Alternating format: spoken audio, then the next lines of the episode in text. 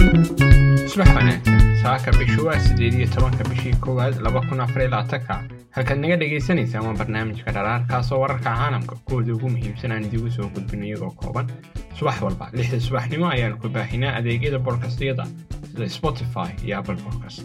saaka waxaa idii soo jeedinaya anigoo ismaaciil cali asadex soo dhowaada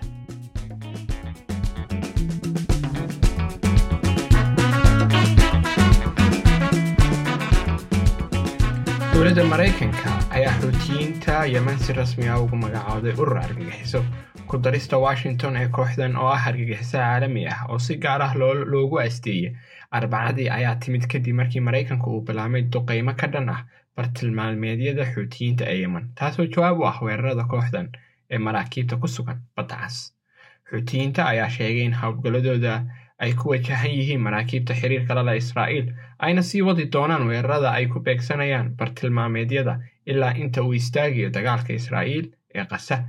iyadoo laga jawaabayay hanjabaadaha iyo weeraradan sii socda maraykanku wuxuu ku dhawaaqay in ansaarallah oo sidoo kale loo yaqaan xuutis ay yihiin argagixiso caalami ah oo si gaar ah loo quundeeyey. La taliyaha amniga qaranka ee aqalka cad jek sullivan ayaa ku yidhi hadal uu soo saaray sidaas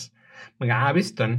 waa qalab muhiim ah oo laga hor istaagaya maalgelinta argagixisada ee xuutiyiinta si loo xadido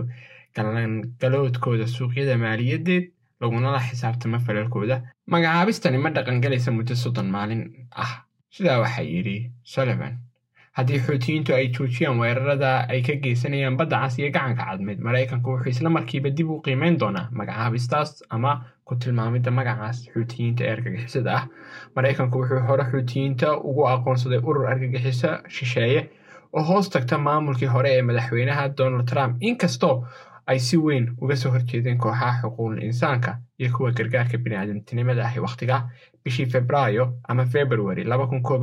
intii xukunka uu hayay madaxweynaha hadda haya ee joe biden xogayaha arrimaha dibadda maraykanka antony blinken ayaa xuutiyiinta wuxuu ka saareen inay yihiin urur argagixiso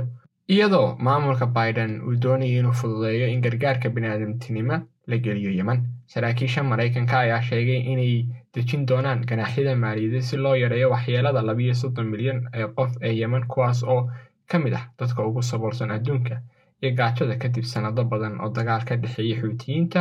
oo iiraan taageertay isbahaysiga sacuudiga hogaamiya ee taageerada dowladda yeman ee caalamku aqoonsan yahay. Dadka yeman waa inaysan bixin ama aan laga jarin ficilada xuutiyiinta sidaa waxaa yidhi sullivan.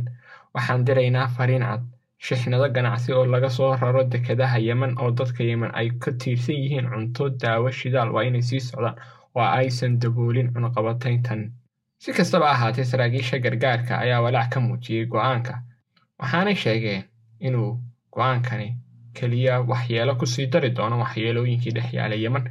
heerka kale hubaanti la'aanta iyo khatarta yemaniyiinta ee weli ka jira mid ka mid ah dhibaatooyinka biniaadamtine ee ugu weyn adduunka. Sidaa waxaa yidhi agaasimaha xiriirinta oxfam america scott ford ayaa saa sheegay. Saaka intaas ayuu noogu eegyahay warbixinteennu maalin fiican oo qurux badan ayaan dhammaantiin idila jeedinaa. Nabaday